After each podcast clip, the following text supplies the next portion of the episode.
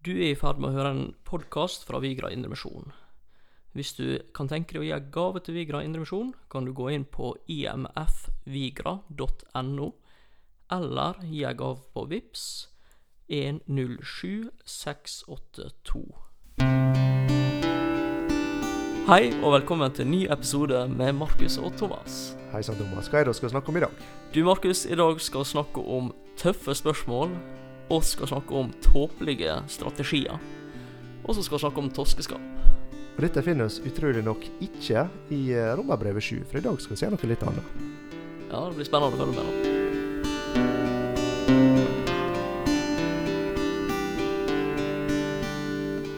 Da var det ny episode.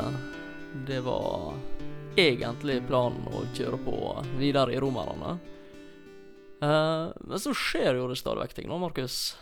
Ja, det eh, gjør det, og nå var det egentlig jeg som eh, kom med et lite sånn innfall, egentlig rett før jeg skulle til å ta opp her, fordi eh, jeg drev og finpussa på en tale til søndagen som skulle bli på en måte den store gjenåpninga av arbeidet, i hvert fall disse vanlige formiddagsmøtene våre. Ja, det var det som var tanken. Og så ja, skal nå det seg slik som det ofte gjør, da. I disse tider. ja. Nei, det var eh, Vi nå vi skal- skal eh, holde møte borti kirka framover, Vigra Indrevisjon. Ja. Det blir jo en ny og spennende arena for oss. Eh, men kirka var veldig grei og ville leie oss lokaler, og da uh, da får vi mulighet til å samles til formiddagsmøte på en forsvarlig måte, og det er jo veldig kjekt. Ja. Men på grunn av eh, slik ting blei, Ja. så måtte vi avlyse det første møtet for å få Ja. det til. Så da satt jeg her på en uh, ferdigruga tale. uh, som jeg egentlig Jeg ble litt overraska når det ble uh, kansellert, fordi jeg tenkte at her følte jeg har fått noen tanker som virkelig kunne være til uh, hjelp og oppmuntring for forsamlinga. Og så plutselig var møtet avlyst. Ja. Og uh, Hausten fullbooka, Ja. så sa ikke bruk for det. Nei da, alltid bruk for det, Markus. Og det er veldig godt å høre med det du har å komme med. Eh, så det vi tenker oss gjøre i dag, som blir et sånn brudd fra det normale, da, det er det at vi rett og slett eh, tar en prat om talere.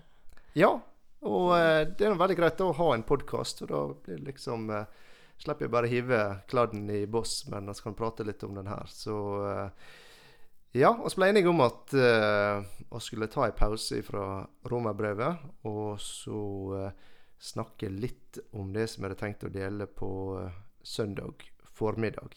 Og eh, utgangspunktet da, det var nå litt med eh, den situasjonen vi befinner oss i, sånn som det var i arbeidet vårt i mars, når alt ble nedstengt, og hvordan det har vært og, og, og enda er nå.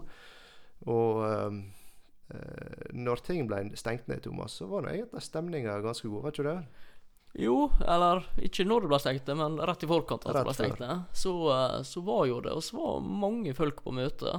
Nå er ikke det det som er hovedkriteriet for at ting skal være bra, men det, var, det virka som det var god stemning blant de som gikk i forsamlinga vår. Og det virka som at det var en iver etter det å være i ei forsamling. Mm. Oppleve dette fellesskapet. Eh, og så, Ja. vips, så var det Ja. umulig. Nei, ja, jeg hadde samme opplevelsen som deg. Altså, det var fullpakka. Og uh, Avana-lederne de klaga over eh, oksygenmangel inne på disse her rommene som barnemøter eh, var. Og det var samtaler om uh, ja, vi trenger oss å bygge nytt hus. Det var snakk om å ansette folk, og vi var i prosesser for ny lederskapsstruktur. og og egentlig eh, kanskje i den mest spennende fasen på bedehuset, i hvert fall som jeg kan huske. Eh, og med veldig, en veldig optimisme. Ja, og, og dette er jo det vi ønsker. Det var jo dette vi ville få til. At det skulle Mm. bli en levende forsamling. En forsamling som naturlig vaks, og som hadde Guds ord Ja. som sentrum. Jesus som sentrum. Og det, det følte oss og opplevde vel egentlig at det var det oss uh, var i ferd for alvor med å bli. Bibelgruppe som eh, med over 100 stykker som hører til på det. Og ja, og disse formiddagsmøter da med Nå husker jeg ikke nøyaktig snitt, men altså så lå mellom 100 og 120 stykker Mm. oppmøte hver Mm. gang. Mm. Med smått og stort. Og det, det, det er jo på lille Vigra så er jo det helt voldsomt. Ja, men eh, nå er situasjonen eh, litt annen, Thomas. Jeg vet ikke, Du sitter nå i styret og er veldig nær på dette her, men det ja, så ennå ikke kommet i gang. Nei, du kan si uh, Og så snakke om det når det gjelder han Paulus, så er det menn og for Ja. viktige. Og, og det ble et stort men. sant? Det, arbeid måtte legges ned, og ting var veldig usikkert. Det var Det må være sagt at det var, det var tøft å, å sitte med styrearbeidet. Da på en måte ikke ha vite hva vi skal forholde oss til, ikke vite hva vi kunne gjøre. Eh, og stort sett være opptatt med å avlyse og beklage og eh, eh, Ja. Og samtidig prøve å holde koken, holde folk motivert. Eh, Mm. vanskelig balanse. Ja. Eh, Ja, det er klart det er jo klart han tenker på hele forsamlinga og noen av de Altså alle er viktige, da, men en har gjerne spesielt tanke for, eh, for de unge og de små. Eh, og ja, sånn som barnearbeid er fremdeles eh, ikke i gang. Og det er på en måte vært en, eh, en av de virkelige styrkene med, med arbeidet her. Ja, du kan si at byggesteinene våre da, eh, som forsamling Og nå selvfølgelig Guds ord, Jesus som hjørnestein. Nå, nå er vi på et litt annet nivå her, men byg, byggesteinene som vi har, det er jo dette her med eh, Det er bibelgruppene, det er formiddagsmøter, og det er barnearbeidet. Så, så de tre gruppene der, det er på en måte det som mm, i hvert fall jeg anser som eh, det viktigste arbeidslivet. I tillegg så er det selvfølgelig viktig med både familiemøter og med, med kveldsmøter og bønnemøter våre. Eh, men, men det er på en måte disse tre gruppene der som har, tror jeg, gjort at arbeidet er blitt såpass populært som det er blitt, og at vi har fått de mulighetene vi har fått. Mm. Eh, ja. Ja, da Og- eh, i, i, eh, i notatene mine da, for talen så tenkte jeg at eh, det er nå da naturlig å bare stille spørsmålet hvorfor. Altså hvorfor akkurat nå? Og det er klart, korona rammer mange. Men hvis man bare tenker på vår situasjon i arbeidet her, og så at, at skulle stoppe akkurat på det tidspunktet, det føltes veldig eh, ja, meningsløst ut, da, eh, på en måte. Og eh, ja, er det lov å spørre Gud hvorfor, hvorfor han gjør det han gjør? Det er lov å spørre nå, ja. Er ikke, ikke alltid det. Er ikke det en av fordelene med, med Gud framfor religionene? Ja, det, det er akkurat det, da. Og det skal vi komme litt mer innpå. inn på.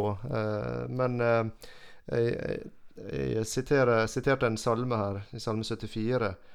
Så er det en som spør Gud, hvorfor har du forkastet oss for evig tid? Hvorfor ryker din vrede mot den jord du før? Altså det er tøffe spørsmål, nærmest anklagende spørsmål. Eh, men dette er i Guds ord, og det viser at Gud tøler å bli utfordra eh, på ting. Og så må ikke være redde for å, eh, å spørre Gud. Og det, det er veldig lett å tenke det når ting er feil vei. Trekke seg tilbake og tenke at nå, nå er Gud sikta, og dermed så, så prøver jeg heller å finne hjelp andre, andre plasser. Ja, og det er uh, Disse spørsmålene Vi blir jo setende med dem alle mann. Og uh, du på en måte du ser noe rikt som blir bygd opp, og så tenker du hvorfor skal dette nå få lov å, å kollapse? Um, og det er litt Nå hopper jeg litt ut av eh, Som sagt, det er ikke veldig planlagt uh, podkast, dette her. Um, det jeg hører om uh, i noen sånne andre podkaster jeg følger, noen kirker jeg følger, Ja. det er et resultat jeg ikke hadde forventa der um, Ja, sånn som nå så ble det starta opp en ny bibelundervisning uh, online. Uh, på sju dager så var det over 2000 som hadde meldt seg på Mm. Fra rundt om hele verden på dette, som der de bare forventer noen få hundre. Ja. Så ting skjer, men for oss så blir det fort sånn Hva, hva du styrer med, Gud? Og det var det, det første jeg tenkte på uh, i, uh, i denne prosessen her, da, eller i analyser på en måte av situasjonen, det er uh, en ting som du og jeg har nevnt mange ganger i podkasten. Det er denne her forskjellen på relasjon i forhold til religion. Eh, og som sagt før, religion det handler om å gjøre sånn og sånn, bli belønna, eller eh, ikke gjøre det, eller gjøre det, eller bryte dette, og så får du straff. Så alt er avhengig av hvordan vi klarer å yte. Men eh, i en relasjon så handler det om å bli kjent med noen, om å bli glad i noen, om å bli eh, begeistra.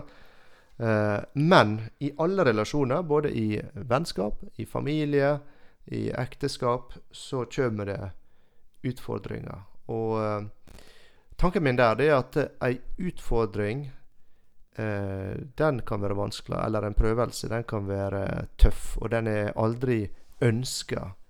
Men når han klarer å håndtere sånne utfordringer, så fører det til dypere og mer meningsfulle forhold. Og dess mer f.eks. et ekteskap, dess flere kamper han har og gjenger gjennom, eh, skulder med skulder, som sagt, og, og klarer å håndtere, dess dypere eh, blir, bli forholdet. Og eh, hadde en lærer som, eh, som brukte å si det, at det er ikke problemer som er problemet, men det er måten vi håndterer dem på.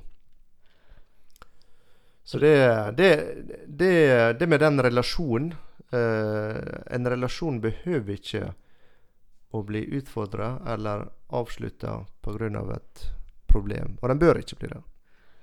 Nei, altså Hvis han er i stand til å håndtere problemet, han er i stand til å ta konflikter eller utfordringer som ligger fra før, og, og bearbeide den og gå i det i lag, så ser vi oss i ekteskapet at det styrker. Ja, det er det.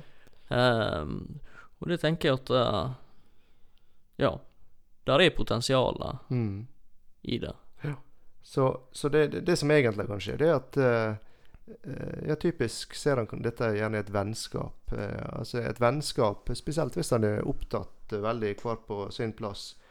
Men hvis han går gjennom noe veldig tøft i lag, en krisesituasjon eller noe vanskelig, hva det nå enn er, så kan det føre til en kjempeboost i det, den relasjonen. Altså den kan eh, bli mye bedre, den kan bli mye dypere på ganske kort tid, eh, egentlig. Så i forhold til eh, dette med religion og relasjon, altså i, i en relasjon så eh, Altså, i religion så er en prøvelse eh, veldig vanskelig, for det kan føre til at du feiler, og feiler du, så ryker du ut, på en måte. Mm. Altså da, da, er det straff eller eh, men, men, i en relasjon så er ikke en prøvelse samme like negativt. Altså det, det kan lett ses på som eh, noe positivt. Altså noe som kan føre til noe positivt.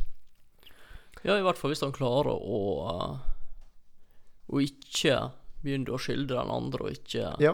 Og der har vi fordelen at om oss skylder litt på Gud, så får jeg ikke skylda tilbake. så den er fin. Så, men, men, i en sånn Altså, hvis dette skal skje, så må en iallfall ikke Det første er at du må ikke bryte kommunikasjonen. Mm. For da, da, stopper alt opp. Altså, da, da blir det potensialet uforløst.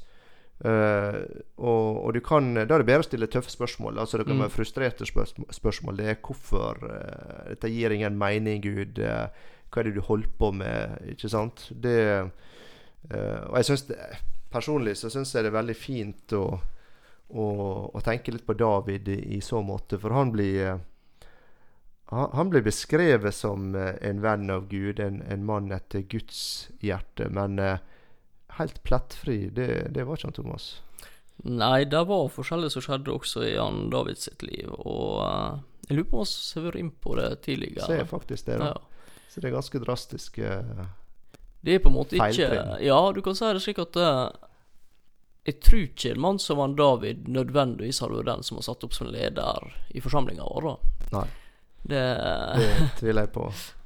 Men oss kan faktisk lese om hvor nedbrutt han var, og grunnen til det, det er at uh, disse bønnene hans ble nedskrevet. Altså det var bønner mm. som han ba til Gud når han var på sitt laveste. Når han var mest uh, nedbrutt og eh, deprimert og uh, ja, på de mørkeste dagene. Og, og det eh, det syns jeg er veldig fint, og det er en veldig fin påminner for oss med at når, når oss er helt på felgen og klar til å gi opp, ta kontakt eh, med, med Gud. Ikke prøv å dra deg sjøl opp etter håret og bli god nok for å gjenopprette den, eh, den kontakten. Og Fordi jeg tror det altså i, Han ser en, en god del over, tror jeg, rundt omkring. Og ikke minst eh, innenfor idrett og, og, sport og innenfor fiskeri og, og mange ting. da. Men eh, det er mange som i hvert fall oppfører seg som at Gud er mer som en sånn lykkeamulett.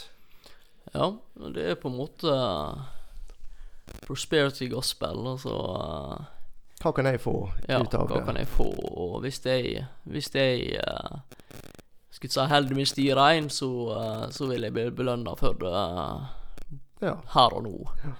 Ser du, det er liksom Gud på baklomma når, når ja, du trenger det. når det skjer seg, da er hos han. Ja.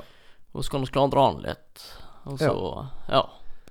Ja, så det er liksom Jeg skal ut og kjøre, ja, da ber jeg om at uh, jeg må være trygg, eller jeg trenger en, et godt resultat på en eksamen. Da tar vi fram Gud. Mm. Eh, når vi er syke, og Altså, ikke nødvendigvis noe galt med dette. Spørsmålet er når oss da har det bra. Når Ja. ting går bra. Når eh, du fikk disse toppkarakterene, eller du opplevde å bli frisk, eller du opplevde at kjøreturen gikk bra. Husk å stå på det. Ja. Så det, der er en liten forskjell da, i forhold til et eh, Og jeg, jeg snakka faktisk med noen for ikke så lenge siden som uttrykte stor frustrasjon over at han hadde noen venner som bare tok kontakt når de trengte hjelp. Mm. Og han beskrev ikke dette som noe særlig gode vennskap. Altså han, var, han ble bare mer og mer frustrert over dette, og ønsket egentlig ikke å ha så veldig mye med disse vennene å gjøre. Fordi det var enveis, og det var kun Mm. når jeg trengte hjelp. Men oss behandler Gud sånn da, av og til. Det er lett for å gjøre det. At eh, det er når vi trenger noe. Ja, og se, er vi en tålmodig type å gjøre, da. Ja da, det, det er jo sånn. Men en, en, en, en relasjon um, med Gud, det er mye, mye, mye Mm. mer enn eh, dette. Og da kan du tenke litt på hva er det som ja, hva er det som kjennetegner et, eh, et vennskap, eh, egentlig. Altså Her er det et, et sant vennskap, altså et djupt vennskap. Hva er det, hva er det som kjennetegner eh, det? Ja, da eh, Så da er det jo alt dette her med altså, ærlighet i relasjonen. Det er noen som naturlig kommer i Ja, heimen. ikke sant? Ja. Det, ja. Så er det, ja, nærhet. Altså, jeg tenker Nærhet. det, å, det, det, det er bare å invitere noen inn i heimen, så, så åpner du det veldig opp, da. Mm, Da, da er ikke det så lett å, å skjule seg eh, bak ting. Og, og det, å, det å ha noen du kan dele sorger og glede med, og ikke minst noen du kan være ærlig med uten å være redd for å bli fordømt. Eh, og det, det er sånne relasjoner som oss trenger, som virkelig kan bære oss gjennom eh, livet. Og, eh, og så var jeg vel inne på et sitat forrige gang som passer veldig godt inn her igjen. Dette med han eh, Dietrich Bonhoeffer, det han sa om, om sann frihet, det å være så elska at du endelig kan innrømme at du eh, Du er ikke fullkommen, du har feil, du har mangler. Eh, og eh, jeg tenker det at eh, dette er rent menneskelig sett noe av det største du kan oppleve her i livet. Det er å være i en sånn relasjon, om det er et ekteskap eller et vennskap, eller noe sånt. Det å ha noen du kan slappe helt av med, og du kan være deg sjøl med. Eh, kan være sårbar. ja, være sårbar. Det, det er stort. Um, og um, Ja, det, dette er noe helt annet enn noe, en venn som bare ringer når han trenger hjelp. Inviterer på dugnad.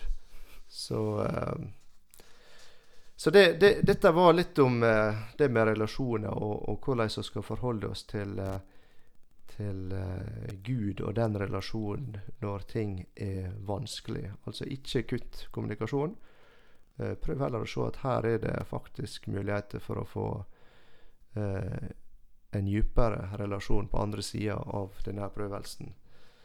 Og eh, i andre delen av det som jeg hadde tenkt som, som talen, så tenkte jeg å ta med alle inn i ei historie i Det gamle testamentet. Eh, velkjent historie. Nå er det Israel som har vært i fangenskap i Egypt i, eh, i Ja, ikke, de har ikke vært i fangenskap i 400 år, de har vært der i 400 år. Og i slutten av den perioden så ble de behandla som, eh, som slaver. Og i denne historien så skjer det veldig mye rart. Fryktelig mye. Det gjør det. Og jeg, jeg tenkte litt da i utgangspunktet å se litt på hvem brukte eh, Gud. Og Moses han er en interessant type. Og eh, min, min påstand er at i utgangspunktet så er Moses overkvalifisert til denne eh, jobben.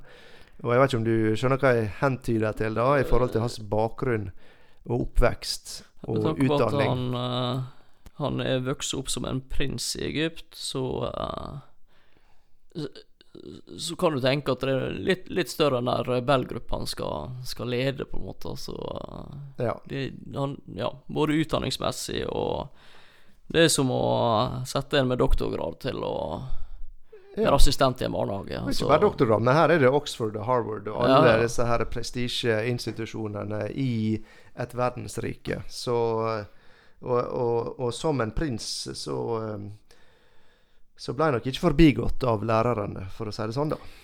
Nei, det Det tror jeg du kan tenke at han er på en måte Han er Han er kremen av topp, Kremen av kremen, er det noe? Ja. Krem de krem? Krem de la krem. ja.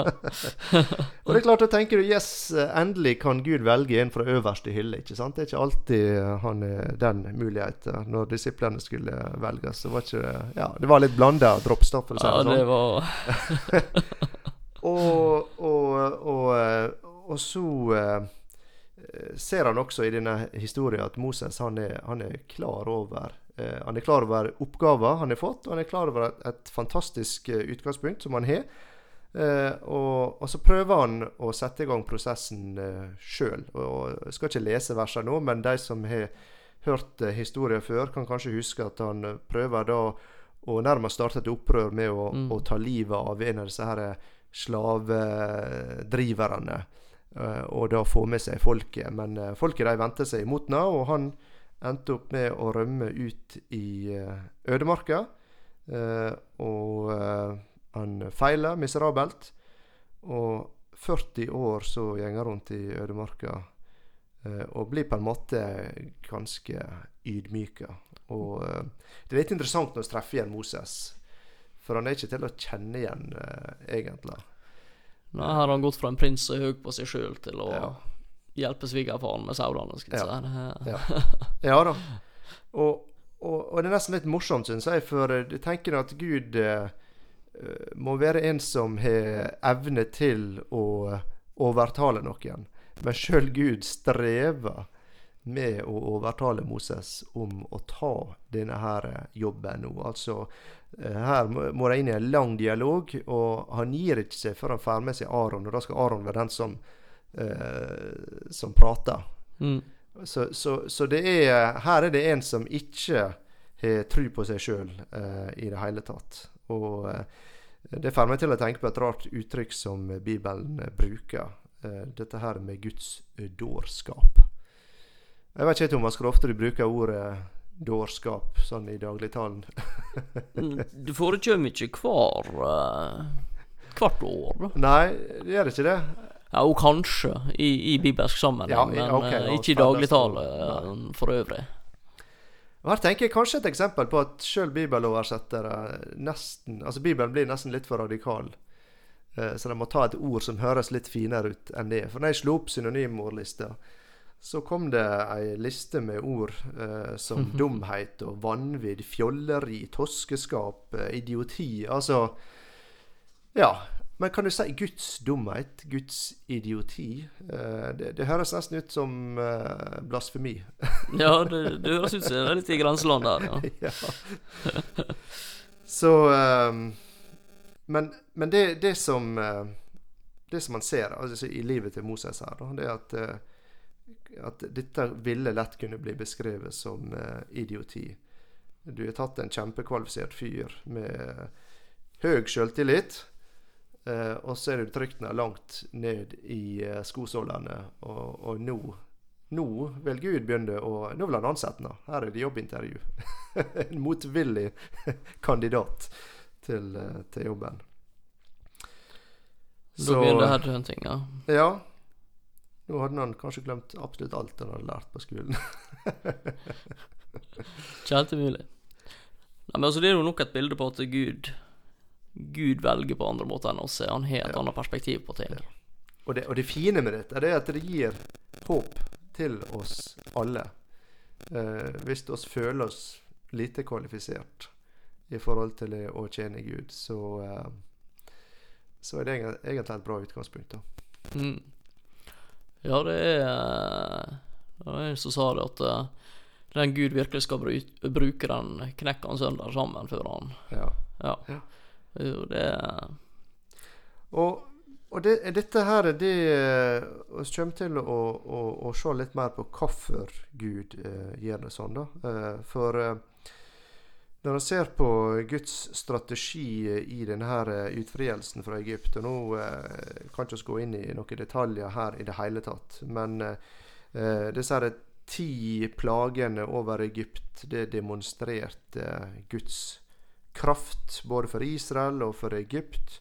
Og hver av disse plagene det var egentlig en, en dom over en av avgudene som de tilba Egypt. Sånn at uh, Gud demonstrerte at han var sterkere enn alle de guddommene som, uh, som egypterne uh, tilba og satte sin lit til. Men, men når alt dette her er skjedd, det var store smell og brak og voldsomme greier, så kommer de da ut i et triumftog ut derifra. De er til og med nedlessa av eh, gaver og skatter og gull som de hadde fått uh, i, en litt sånn merkelig reaksjon, der egypterne bare gir dem gaver. Uh, og, og, og, og de fyker av gårde etter de feira påske.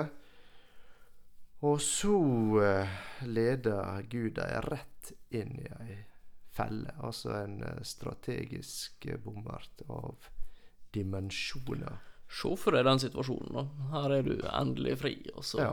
kommer du gående, og så Nei, der lå et hav i veien. Ja. Og så kommer det etter hvert han eh, farao til hektene etter alt som er skjedd i, i Egypt. Eh, og så eh, ser han eh, da israelsfolket som står i en helt umulig situasjon. Uh, Idet han tar opp jakta, at de har havet foran, og farao står der bak med si hær. Eh, og jeg tror nok det farao i den situasjonen knapt kunne tro sine egne øyne. Altså, han kjente nå til Moses fra tidligere. Han visste om den uh, utdanninga som han hadde fått. Eh, han var en strategen strateg, en hærfører, eh, og så på situasjonen og tenkte at dette er noe av det teiteste, det mest idiotiske han har sett. Altså, hva i alle dager er det Moses har gjort her? Ikke sant? Altså, her er de servert på et sølvfat. Eh, så her er det bare for farao å komme inn og, og, og, og forsyne seg. Så eh, igjen så høres dette ordet idioti, dårskap, ikke sant? At Gud tilsynelatende leder inn i en situasjon som er umulig, og som fører til eh, død, nederlag, tap. Ja. Så eh, Så er det igjen det at Gud får da vise styrka si i det. ja. I situasjonen her, i Ja. situasjoner seinere. Han får vise at naturkreften ingen problem. Ja. Stoppe sola, ja, det er greit, det. Altså, Ja. ja. Og det er det som skjer, da. Og jeg, jeg, jeg følte det når jeg kom så langt i historien, at jeg tenkte at uh, dette høres da litt kjent ut. Og beskrev, nettopp uh, arbeidet som oss her, som eh, noe som gikk på skinner, gikk som det suste, og så var det bom stopp. Og nå eh, føler vi oss eh, svake. vi eh, er kanskje kommet i tvil. Hva er veien videre? Fins det en vei videre? Vil alt eh, smuldre opp? Vil alt eh, ramle sammen? Eh, hva med å gi opp? Gå tilbake til sånn som ting var? Eh, altså Israelsfolket i denne situasjonen, du kan lese det. at de, de, Flere av dem tenkte at her, oss må bare tilbake til Egypt. Hadde det bedre i Egypt. Og det, Ja, og det er jo noe de stadig gjentar med Ja. på reisa si. Det er jo Det er veldig lett å tenke det når du kommer til en vanskelig situasjon. Så tenker du nei, eh, nå må vi rykke tilbake til sånn som det var, for det er noe trygt der. Selv om det egentlig Altså, det var ikke trygt. Altså, det, det, det var ikke det. Men det er et instinkt som er menneskelig. Um, og uh, det som er sikkert, og det er det som du var inne på også, Thomas, det er at når oss er som svakest, da er Gud på sitt sterkeste. Og da er, altså, da er det iallfall størst potensial for at hans kraft eh, skal bli eh, vist, bli eh, åpenbart. Og eh, ja, jeg, jeg noterte det. Jeg vil lese det, Thomas. Første Korinter Ja, jeg ser du 1.27. noterte og da, I en, eh, første Korinterbrev 1.27 så står det det som er svakt i verden, det valgte Gud seg for å gjøre det sterke til skamme. Så Gud har en plan oppi dette. Altså en bevisst plan. Her, hvis, hvis, det, hvis jeg skal vise min kraft her, så viser det best ved å bruke det svake. For da kan ikke på en måte det bortforklares med at ja, ja, men han Moses var nå så utrolig dyktig som Mm. eh, leder, ikke sant? Eller israelsfolket var så modige, de var så flinke å finne rette veien ut. Eh, eh, og sånne ting. Altså, det eneste som stender igjen som forklaringsmodell her, det er Guds kraft. Og eh, ja, jeg, jeg tror det er et mønster som man ser gjennom Guds ord. Ja, så dette er ikke Det er ikke tvil i det. Du har jo laga en fin liste her som kan være greit å For det, det er på en måte Det er Det er helt tydelig Ja. at Gud gjør dette han gjør det for å vise oss at Ja. jeg er den Ja. jeg sier jeg er. Ja. ja. David mot Goliat er en klassiker. Eh, det blir brukt i dagligtale som illustrasjon. Eh, og det er klart, eh, hvis han har satt David inn i en tanks eller noe sånt, så kunne han sagt ja, han hadde moderne utstyr. Men eh, han hadde ikke det. Så Gideon med en bitte liten flokk mot ei stor, velutrusta hær av midjanittene. Uh, og jeg tenker litt på han lille gutten med nistepakka si. Ja, den er fin. Ja, som ble til mat for en svær folkemengde. Altså, det var ikke pizzabakeren som var der, eller eh, et bakeri. Altså, det var en liten gutt med en niste. Og det Og så har du da selvfølgelig da, det store eksempelet, Jesus sjøl. Eh, som eh, Litt sånn som Moses, da. Altså, han hadde en privilegert posisjon. Han hadde status, makt, alt mulig. Og dette måtte Eller dette valgte han. Han måtte ikke han valgte å legge dette fra seg, gi slipp på det, gi avkall på det. Slik at Guds kraft kunne bli eh, demonstrert. Og, eh, og det at han vinner på en måte den største seieren etter å dø en forbryters død. Etter et justismord av rettssaker, rettssak. Det, det er så svakt, det er så ynkelig. Det er så patetisk. Jeg hører til og med den kommentaren brukt av han eh, ateisten, kjente ateisten Richard Dawkins. Han sa 'Ikke kom her med Jesus', sa han til John Lennox i en sånn debatt. Altså, det er så patetisk, sa han. Det er så ynkelig. Og der har du Guds dårskap. Han beskriver det egentlig eh, krystallklart fra verdens perspektiv. Eh, det er svakt og patetisk helt til du ser hva Gud egentlig gjør når han da vinner den ultimate seieren gjennom denne prosessen. Og en liten sånn uh, side note her er jo det Ikke bare dåtida, ikke bare nå i etterkant når vi veit hva han gjorde, og sier han har mange sånne, men det, måten det er beskrevet, hvordan dette skulle bli oppfatta som ynkelig og lite mange hundre år før. Ja. Det, det, hele den derre det, bare- det bare viser en storhet som uh, Ja. Ja, du kan ikke dikte opp sånne ting. Altså, Nei, det, du kan ikke det. det er akkurat det, og igjen føler jeg det understreker uh, Guds ord som guddommelig. Når du ser disse her prinsippene som går imot alt som uh, verden uh, stender for. Og når da Jesus stender opp igjen som evig seierherre og kan tilby uforbeholdent nåde, miskunn, tilgivelse, kjærlighet til alle som ber om det som et resultat, så er det bare eh, Og så står han der som seierherre. Ja, det det, det er sånn du kan få litt uh, gåsehud av. Ja, det, det er jo helt uh... Men nå begynner du med å bla, Thomas. Du begynner å jeg, bli jeg begynner å Ja, jeg, også, begynner å bli varm det, det er litt van Ja, men det er litt vanskelig dette her nå, og på en måte Det er litt uvant situasjon Ja, det det. Å, å være med i ei tale. eh, og jeg tenkte bare også, Det er jo vel, vel, velkjente vers eh, det er snakk om. eh. men men eh, Jesaja 53, det beskriver jo hele denne settinga som Jesus er i. Mm. Og så eh, ja, Vers 8 der, da. Men hvem tenkte i hans tid at når han ble utryddet av de leveres land, så var det for mitt folks misgjerningers skyld plagen traff ham. Eh, eller ja, vers 10. Det behaget Herren å knuse ham. Eh, han slo ham med sykdom. Eh, og så hele veien her at det på en måte Det så så svakt ut. Det så så patetisk han, ut. Ja, slo han med sykdom? Altså, det er nok en måte å, å gå fram Ja, som? Guds sønn på. Ja, det Vers tre 3. Foraktet var han, forlatt av mennesker, en smertens mann, vel kjent med sykdom. ja. Han var som en som folk skjuler sitt åsyn for. Foraktet, og vi aktet ham for intet. Aktet ham for intet. Har du noen gang, Markus, gått på butikken, og så ser du en eller annen person borti der? Ikke nødvendigvis det at du forakter personen, men du skjuler ansiktet, for du har ikke tida der og da. Ja. Ja da, det Tenk at du hadde gjort det i ren forakt. Nei, det var, det var sånn eh, Jesus, altså, han ble ja, forakta og altså, du, du blir sett på som et null. Han ble sett Ja. på som en null. Ja, mindre enn null. Du, Ja. måte, du vil ikke på noen måte Ja. uh, vise at du har en form for relasjon til ham. Og der stender han som skapte universet. Det det er så vanvittig. Han som, han som er tatt på seg en tjeners skikkelse, Mm. var Gud lik, og så Mm. kommer han ned og er villig til å dø. Ja.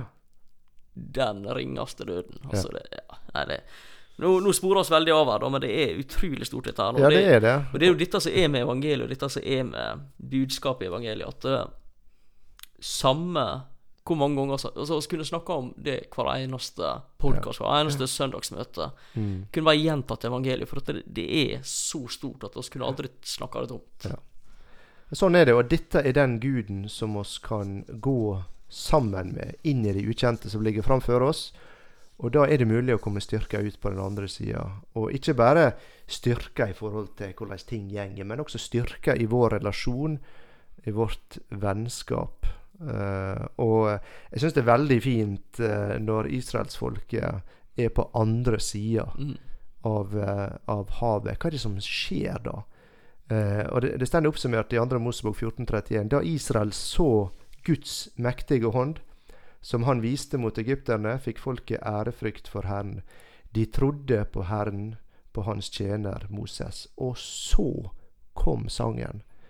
Og jeg, jeg, føler alltid Altså, det, det med lovsang, ekte lovsang, det er bare en respons på Guds storhet. Og, og her braut det ut eh, lovsang. Og eh, jeg kan ikke lese hele, men jeg tenkte bare å Jeg tok ut noen sånne uttrykk og noen strofer ifra, ifra sangen. Eh, jeg vil lovsynge Herren, for han er høyt opphøyet. Herren er min styrke og min lovsang. Han ble meg til frelse. Jeg vil prise ham, jeg vil opphøye ham. Dette var folk som sto eh, og hadde gitt opp alt håp bare for noen timer siden. Herren er min stridsmann, din høyre hånd er herlig i sin kraft. Hvem er som du? Du er herlig i hellighet, forferdelig å lovprise, underfull i gjerning. Du fører ved din miskunnhet det folket som du forløste. Du leder dem ved din kraft til din hellige bolig. Og Her ser vi at fokuset er på Han. Og så er det personlig også. Dette her er ikke bare en folkemasse lenger, men de synger om min Herre. Eh, og at du er min lovsang. Du er blitt meg til frelse. Eh, og så syns jeg det er så fint det siste eh, som jeg nevnte der. At du leder dem ved din kraft til din hellige bolig. Altså Her er igjen dette med å komme hjem.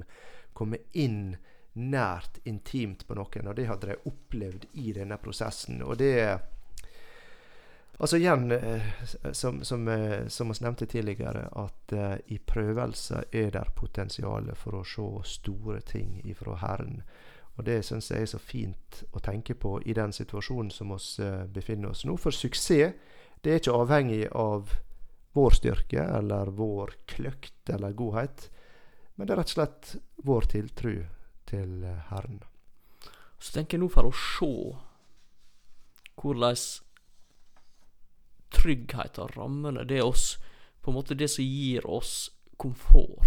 Hvordan det rakner. Hvordan det Det skal så lite til å vippe pinnen. Altså, noen små organismer. Mm. Eh, og oss kan på en måte velge enten å, å grave oss ned og, og på en måte miste driven, miste frimodigheten. Eh, ja, og ikke, ikke, ikke på en måte klare å røyse oss igjen. Eller så kan oss i også dette få vende oss til han som har makta, han som har livet. Mm. Og så kan vi på en måte bare få innse at OK, alle de tinga som jeg tok for gitt, alle de tinga som jeg så på som rettigheter, de var ingenting. Jeg har ikke Altså, for å sette ting litt på spissen, da. Menneskerettene, flotte ting. Det er et hån mot de som ikke har det. Nå har også i Vesten fått sett at kanskje ikke er det så naturlig at vi skal ha det så bra Mm. alltid. Så kan vi enten da bli bitre, miste motivasjonen, bli passive. Eller så kan vi faktisk søke Han som har alt. Som, i, som en avslutning eh, på talen hadde jeg tenkt bare å, å, å eh, oppfordre alle til å gå med Gud, med forventning. Og, og, og eh, noe han av og til ikke tenker på, det er at eh, du kan tenke det er litt skummelt å gå med Gud, og jeg vet ikke om jeg tør å følge han der, og, og, sånn. Men du gjør faktisk et valg når du ikke går med Gud også. Israelsfolket, hva hadde de tenkt på? De ville tilbake til Egypt. Det var alternativet deres. Og når, eh, når du velger å ikke gå med Gud, da, hva har du igjen da? Ja, du har din egen styrke, din egen kløkt. Eh, Du har kanskje verdens visdom og eh, politisk ledelse der. Eh, Blir oppfordra til å følge sitt eget hjerte. Og jeg tenker det at da kan han kanskje ta et grundig og ærlig blikk inn i hjertet og se hva en finner der.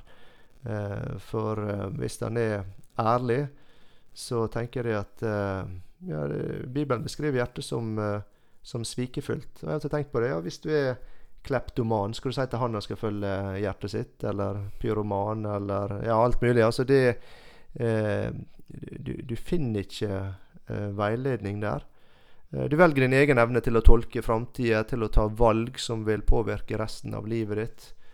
Eh, Så eh, Israel de ville tilbake til slaveri, men de endte opp som frie, jublende mennesker fordi de gikk eh, med Gud, og de fulgte, fulgte Han. Og eh, helt til avslutning så er det det er et avsnitt som er jeg av og til delt litt på sosiale medier og sånn i forbindelse med jul og nyttår.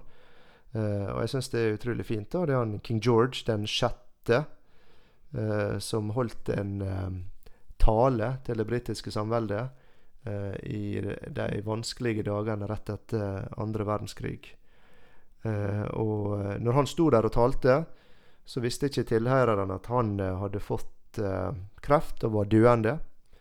Eh, og hør hva han sier. Han sa Jeg sa til mannen som sto ved årets port, gi meg et lys, slik at jeg kan vandre trygt inn i det ukjente. Han svarte meg og sa, gå inn i mørket og legg din hånd i Guds hånd, og det skal være bedre for deg enn lyset og tryggere enn det du kjenner. Så eh, Thomas' oppfordringer det blir å bare legge våre hender i Gud sine hender og gå i lag med Han gjennom tida som stender framfor oss. Og kanskje vil oss oppleve Israelfolk, å komme gjennom dette og komme på andre sida av havet og eh, kjenne trang til å lovprise Gud for det, det store som Han har gjort eh, i denne situasjonen. Og det det- Begrensningene stender ikke hos han, det er helt sikkert. Eh, Oppfordringa er at oss må tørre å, å gå med han. Eh, og jeg tror det Ja, jeg tør vel heller det enn å prøve med egen kraft, kanskje. Selv om det er lett for at han glepper tilbake til, eh, til det. Så må vi oppfordre hverandre til å, å gå med Gud. Dette kommer oss inn på neste episode. Paulus og glipper tilbake i, i det gamle. Og, ehm, og jeg tror det er helt sant det du sier, Markus. Det er ehm, Og jeg tror hvis at oss kan bruke denne tida nå framover, om du blir ferdig i høst, om det er ett år, to år, tre år, så aner ikke. Altså, å snakke om ei krise, men det kan hende det er den nye normalen for alt vi veit. Og hvordan brukes det? Hvordan brukes det med våre medmennesker? Hvordan brukes det til å hjelpe våre søsken? Det, jeg syns det, det også er noe å tenke på. Så søker Gud, og så støtter hverandre. Det tror jeg er to veldig viktige ting. Mm. Ja, og så er det å, å, å våge. Altså det, Våge, det, det, er litt Det er noe mot som, eh, som skal til der. Men det er ikke mot av den oss er, men det er mot av den Gud er. Så det er å se han, se den relasjonen. Se at her er en venn som gjenger med deg gjennom tjukt og tynt. Eh, og en venn som eh, Ja, når det er vanskelig, så er ikke Da har han eh, ressursene til å snu det opp ned og eh, løse det på måter som vi ikke hadde drømt eh, om kunne være mulig. Så det er løv til å forvente til Gud, samme hva omstendighetene prøver å fortelle oss. Helt klart. Jeg vet ikke hvor mye tid vi har brukt, Markus, men det var en sang som bare eh, gikk om igjen og om igjen i hodet mitt mens vi satt der gjennom denne talen her. Eh, Jeg har jo noen minutter så jeg kan lese opp litt av teksten her. Ja da, det er oss. eh, Og så bare sett i gang, du. Det er da Oslo Gospelkor med Hellig, hellig, hellig. Hellig, hellig, hellig, Herre Gud allmektig. Dag for dag vår lovsang skal stige opp til deg. Hellig, hellig, hellig. Nådefull og prektig. Fader, Sønn og Ånd. All ære være deg. Hellig, hellig, hellig. Synger helgenskarer. Kaster sine kroner for dine føtter ned. Englehærens jubel oppad mot deg farer du som var og er, og evig bliver ved. Hellig, hellig, hellig, lyset er ditt rike, intet urent øye kan se din herlighet. Ene du er hellig, ingen er din like, full av makt og renhet og av kjærlighet. Hellig, hellig, hellig, Herre Gud allmektig. Jord og hav og himmel, se alt skal prise deg. Hellig, hellig, hellig, nådefull og prektig. Fader, Sønn og Ånd. All ære være deg. Ja, det er veldig flott, Thomas, å bare få fokuset over på han. Jeg kjenner du bare liksom eh, hvor omstendighetene blir av mindre betydning, og at Gud blir større og stor i, i våre øyne. Så, eh, så må jeg takke deg, Thomas, for at du tok dette på strak eh, arm. Jeg har aldri samtalt gjennom en tale sånn før. så det Og ble nytt litt for meg med det. Men jeg håper iallfall at budskapet i det har kommet igjennom, og at det er til eh, oppmuntring eh, til dere som hører på. Gjerne vil jeg takke for at dere følger oss, og eh, ja, del gjerne med andre som du tenker kan ha glede av det.